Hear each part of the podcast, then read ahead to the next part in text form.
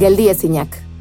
Eli Pinedo, de la cancha al despacho. Partido por el bronce olímpico, España-Corea del Sur, le llega Eli Pinedo y anota desde el extremo izquierdo. Por el ángulo largo, vuelve España a la carga, ahora es Macarena Vilar, hacia el exterior y Eli Pinedo, la de Amurrio, vuelve a anotar desde el extremo izquierdo, espacio 29. Marta Mangue por el ángulo corto, ahí esa salida a punto de vuelve a adelantar a las guerreras y ahora le tocará a Corea del Sur.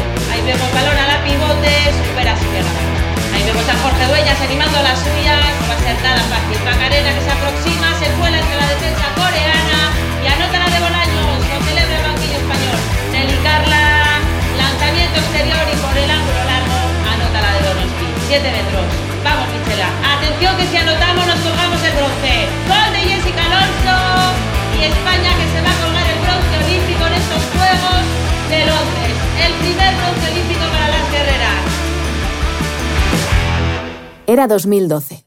La selección femenina de balonmano necesitaba un último empujón para clasificarse para los Juegos Olímpicos de Londres, y la fuerza llegó en forma de apodo. Las guerreras. Con un nuevo nombre y varias victorias a sus espaldas, el equipo llegó a Londres. Vaya que sí lo hizo. El broche final se forjó en bronce. Las chicas del balonmano han sufrido hasta el final, hasta el límite, pero dicen que las victorias con sufrimiento saben mejor.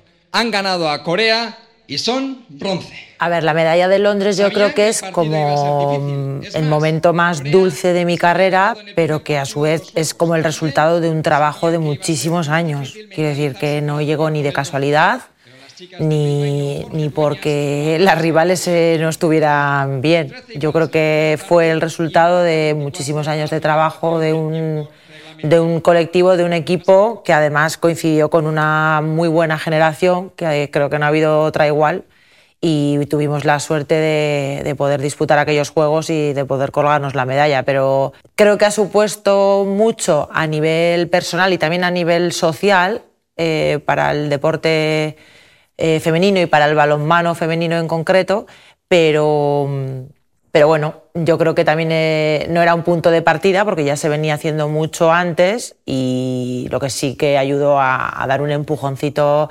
hacia esa igualdad tan deseada entre hombres y mujeres deportistas. Aparece Macarena Aguilar, juega con Verónica. Ahora es Pinedo quien narra ese partido histórico. Pero aquel día, los goles los cantó Paco Caro, enviado especial de RTV en Londres 2012. Fue una final histórica y agónica. Menos mal que Caro estaba preparado. Al fin y al cabo, los periodistas también entrenan para participar en los Juegos Olímpicos. Es imposible entender lo que hoy eh, advertimos en el balonmano de mujeres en España sin lo que pasó en los Juegos Olímpicos de, Londres. Histórico, evidentemente, porque, porque era la primera medalla que conseguían nuestra selección femenina de balonmano en unos Juegos Olímpicos, porque fue, debió haber sido yo creo que todavía más importante, porque creo que sí que eh, cambió muchas cosas, pero debía haber sido un punto de inflexión todavía mayor, y por ello es histórico y es agónico porque además creo que reflejó es difícil poder reflejar mejor eh, a qué se refiere aquello de eh, las guerreras, el seudónimo con, el que, con el que eran y con el que son conocidas. Creo que las jugadoras entendieron que unos juegos son muy diferentes, que aquí cambian muchas cosas, que hay una serie de componentes que hay que saber gestionar. Hay que gestionar sobre todo lo emocional. Y creo además que es, el, es una promo extraordinaria de lo que son las componentes de nuestra selección de, eh, de balonmano. Es que de verdad creo que si, tú intentas describir, intentas hacer una promo de qué son las guerreras, no existe ningún, eh, ningún evento, ninguna imagen que sea más icónica que lo que se vivió en la, final de consolación de los Juegos Olímpicos de, de Londres. Ahora el periodista y la medallista olímpica comparten micrófono. Caro ha pasado de comentar los partidos de Pinedo a comentarlos con ella. No, siempre pasa, ¿eh? pero creo que Eli comparte muchas de las características que la definieron como jugadora, la definen en su condición de comentarista. Eli no era la jugadora más rápida, no lo era. No era la, quizás la, extremo más elástica. Eh, era muy fiable, tremendamente fiable, pero sobre todo Eli era extraordinariamente eh, tenaz. Es una ganadora nata. Era una jugadora con un carácter eh, tremendo. Ella combatía en la pista de una manera que combate fuera de. Y cuando adviertes a, él y cuando, cuando está de hecho en la cabina comentando, eh, insisto, ves aspectos que son reconocibles de cómo era ella entonces. Ella es una generadora de emociones. Y de hecho es el desarrollo de un partido, cuando comentas un partido con él, el desarrollo del partido lo vas notando en el grado de tensión emocional que tiene ella. Eh, y, es algo que cuando te retrotraes a cómo era ella en la pista, adviertes que son rasgos muy semejantes. Ella combatía en la pista a su manera, insisto, se sobreponía a lo mejor a cualidades que tenían otras, otras jugadoras pues, mejor, mejores, pero ese combatir la, la convirtió en una de las mejores del mundo en su puesto.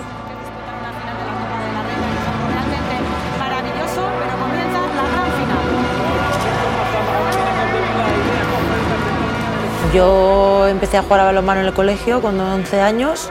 Eh, hacía entonces balonmano, baloncesto, fútbol, volei, actividades extraescolares que eran entonces. Y escogí balonmano porque me gustaba, se me daba bien, lo jugaban mis amigas. Y entonces había equipo de balonmano en Amurrio, en el pueblo de donde yo soy, porque ahora es que ni, ni siquiera lo hay. Sí que lo hay en Yodio, pero en Amurrio no. Entonces fue un poco fruto de la casualidad pero sí que mm, me sentía atraída por el deporte desde muy pequeñita, porque en los ratos libres siempre estábamos pues, en el barrio o con la bici o con el patinete o con el balón de fútbol, jugando con los amigos de, del barrio, con los vecinos o con quien fuera. ¿no? Eso sí que me sentí siempre muy atraída. Con 18 doy el salto a profesionales cuando voy a Donosti, empiezo en la universidad y al mismo tiempo en el Vera Vera, a jugar a nivel profesional. Entonces ahí es cuando realmente notó un salto muy grande porque yo venía de jugar en cadetes y en juveniles, que sí que era muy divertido. Ganábamos la Liga Vasca y, nos lo pasábamos bomba, pero claro, cuando llegué a Donosti con 18 años y me tocó subirme corriendo todos los montes de Donosti Aldea, entonces fue cuando dije, wow, esto es el balonmano profesional, pues lo mismo no es lo que yo buscaba, ¿no? O sea, los comienzos fueron duros, ¿eh? realmente no, no ha sido todo de color de rosa.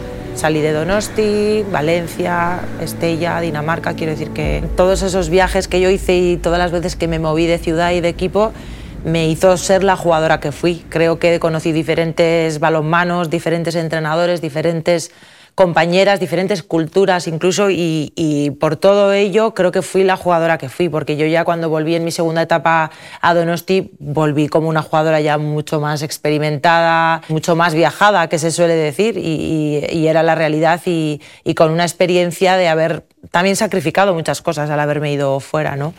Y luego como, como mujer, pues por supuesto también vives experiencias que, vamos, que, nunca las hubiera vivido si me hubiera quedado solo en Donosti y no me hubiera movido. Siempre cuando uno se mueve y viaja es un poco superviviente en otro país o en otra ciudad y es cuando realmente se ve y, y evoluciona a pasos agigantados.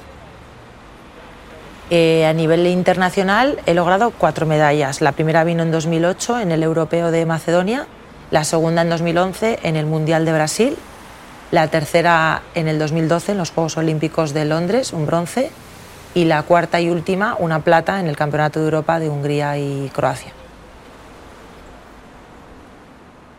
Con el medallero lleno, llegó la hora de deshacer las maletas y decir adiós.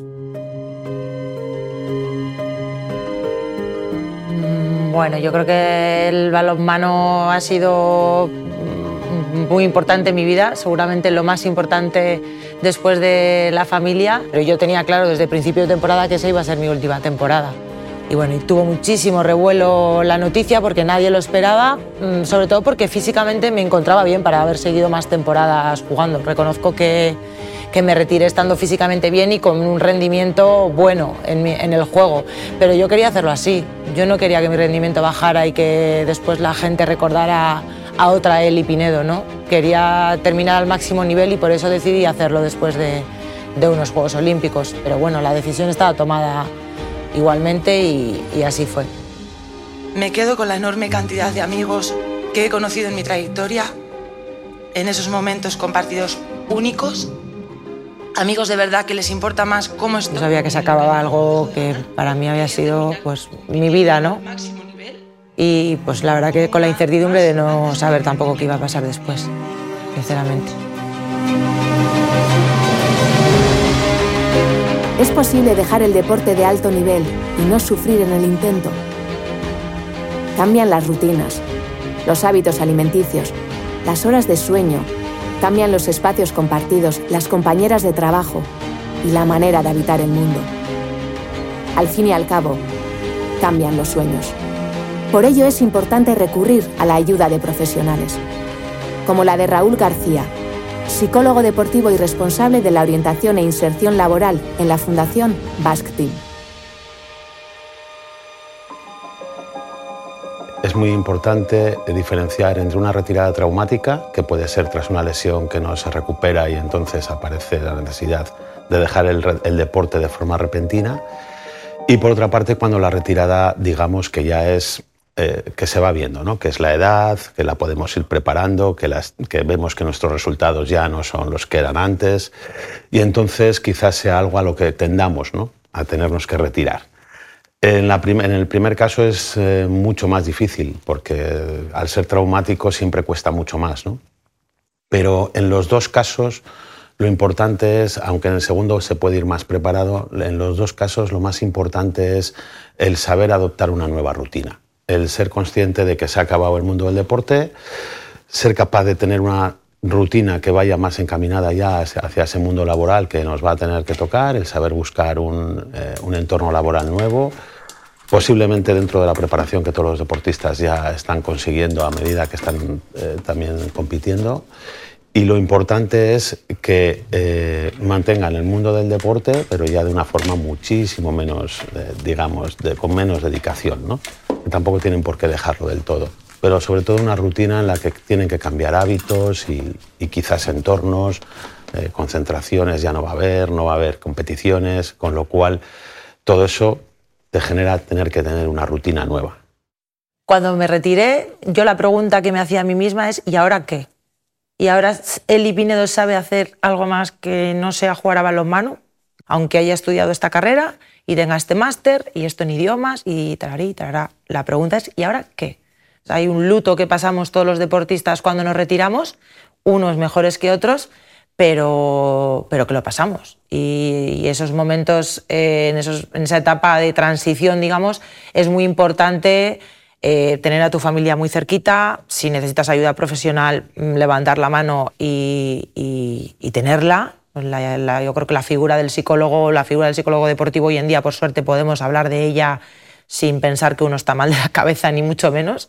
Y, y luego también, pues tener un poco ganas de empezar, de querer, de buscarte la vida. Pasas de que te toquen toda la puerta, la puerta todos los días a, tener que buscarte tú la vida. Entonces, eh, es importante también tener claro, o tener planes, o tener claro que nadie te va a venir a buscar a casa para decirte, ahora en tu nueva etapa vas a empezar a trabajar aquí. Tienes que moverte tú, ¿no? Y bueno, eso fue lo que un poco me tocó a mí y a muchos deportistas y tienes que aprender un poco a, a marcarte tú tus rutinas y, a empezar esa nueva etapa pues, de la mejor manera posible, que no todo el mundo lo consigue de una manera ni fácil ni rápida, porque no, no lo es.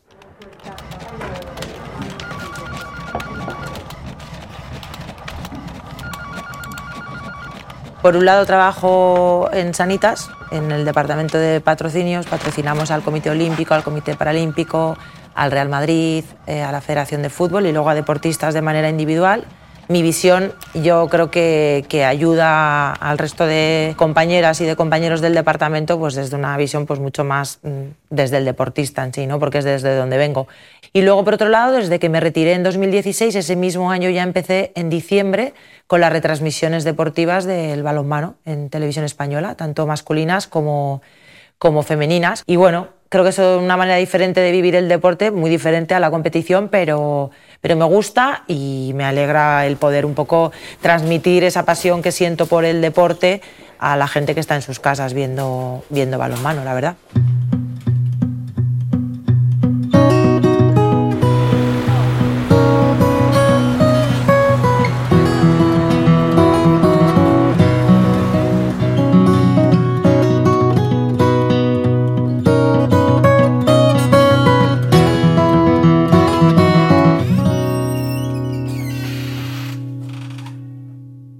Ser una guerrera significa ir allá donde esté la batalla. Una vez, dos, tres o 104. Tati Garmendia fue 104 veces internacional con la selección de balonmano. hasta que llegó el momento de dejar la cancha, pero nunca el deporte. La donostiarra pasó de jugadora a responsable de la sección de balonmano del Veravera. A veces, solo es cuestión de cambiar de perspectiva. Es que el balonmano ha sido parte muy, muy importante, un modo de vida. Al final no ha sido hecho deporte profesional, sino un modo de vida. Algo que, que es inexplicable y que eh, la sensación es qué suerte he tenido yo de poder vivir todas esas experiencias, esas emociones, tanto en pista como fuera de ella, siempre en ese entorno. Es verdad que cuando a mí me ofrecen el puesto en el que estoy ahora, que es responsable de la sección de balonmano, yo lo veo como algo que no soy capaz de hacerlo. Al final era tener relación con instituciones, con patrocinadores y siempre lo había visto desde la barrera y como algo que además no era profesional de ello, con lo cual yo no me sentía capacitada. Sí que es verdad que bueno, pues que al final que viniese alguien de fuera y pensar que no sabíamos lo que podía pasar, que habíamos vivido circunstancias que bueno, pues que no nos habían gustado con otro tipo de, de personas o que eso pudiese cambiar lo que lo que habíamos peleado durante tanto tiempo, quizás me llevo con mucho miedo a, pues al final a asumir que, eh, bueno, pues que al menos había que intentar.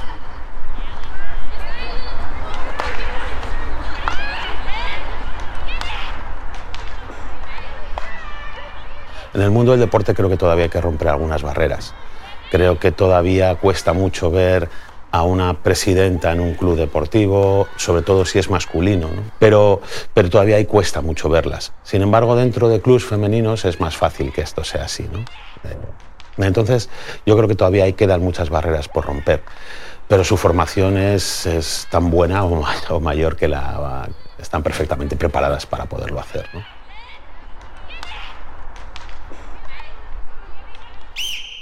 De las 65 federaciones deportivas que existen a nivel estatal, tan solo un 3% están presididas por una mujer. Los espacios de decisión siguen siendo espacios a conquistar. A ver, en general yo creo que hay poquitas entrenadoras en todos los deportes, en todos los ámbitos. Entonces yo hice un curso nacional en el que éramos veintitantas personas en clase y el primer año estábamos dos mujeres y el segundo solo estaba yo, rodeada de hombres. Yo creo que es importante que haya mujeres porque creo que tienen una visión o una forma de hacer las cosas totalmente diferente. Siempre ha sido un mundo eh, dirigido por hombres en el mayor de los casos y creo que siempre que haya diferentes opiniones o diferentes mentalidades es, mucho más enriquecedor y creo que las mujeres aportan otra cosa diferente a los hombres y creo que bueno, pues que tenemos que estar ahí. Si eso encima va vinculado a un deporte femenino, creo que todavía se aporta mucho más.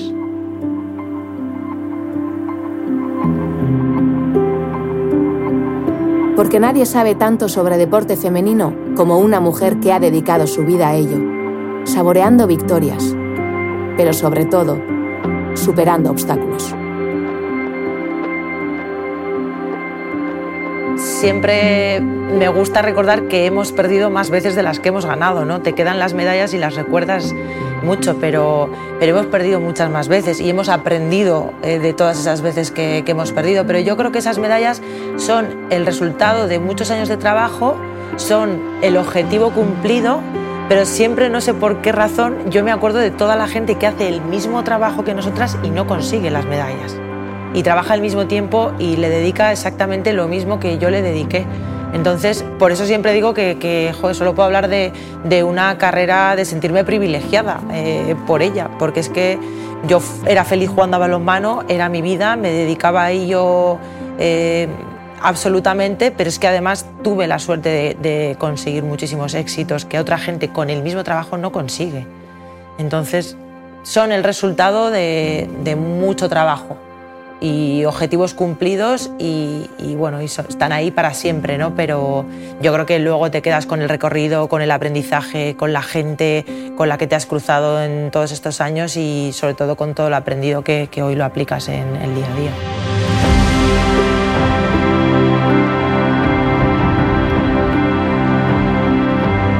Europar Batasuna. Next Generationek finantzatutako kanpaina. Suspertze plana. Espainiako gobernua. Geldi ezinak. Elmuga hasiera baino ez da. Zuzendaritza, inigo asensio. ekoizpen eragilea Elena Etxebarrieta. Gidoia eta muntaia Goiuri Ezeiza.